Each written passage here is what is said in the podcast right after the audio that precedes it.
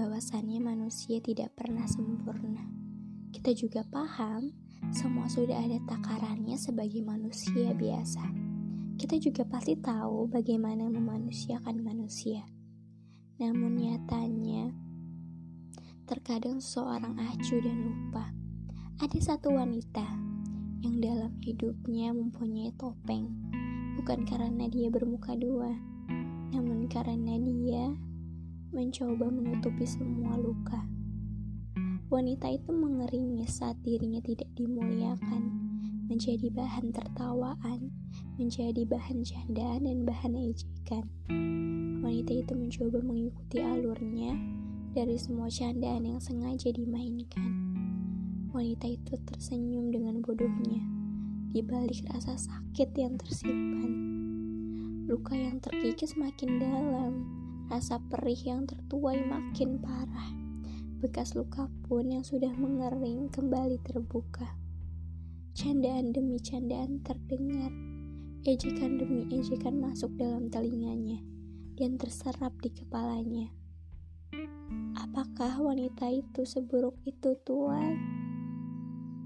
Kalian tahu, titik rendah insecure wanita itu sudah sampai titik terendahnya.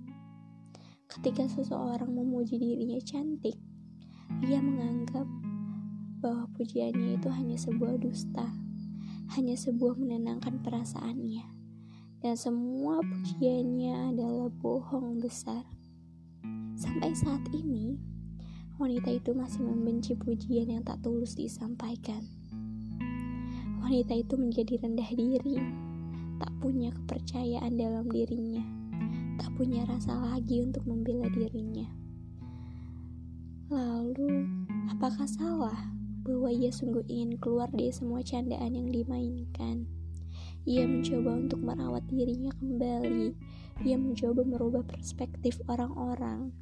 Namun, apakah salah untuk mempunyai tempat di bumi dan dihargai? Kau pikir wanita itu mau menjadi bahan candaan? Kau pikir semudah itu untuk memaafkan seseorang yang mengikis luka terdalam. Kau hanya penonton, bukan pemeran kesakitan. Kau hanya melihat dan ikut serta dalam candaan. Rasanya pada saat itu dia ingin sekali menghilang. Jadi sekali lagi wanita itu bertanya, Apakah salah untuk mencoba menjadi seorang yang dihargai dan dimanusiakan oleh manusia? Apakah salah untuk merubah dirinya agar seseorang tidak pernah lagi mengganggunya?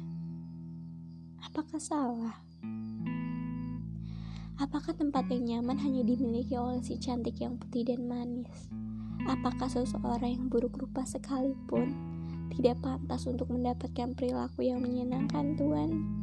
Kita tahu bahwasannya dunia sungguh kejam. Cantik jadi prioritas utama. Tapi apakah kamu tahu Tuhan bahwa perempuan tidak selamanya cantik, tidak selamanya menawan. Ia akan luput oleh waktu dan semua di mata Tuhan adalah sama rata.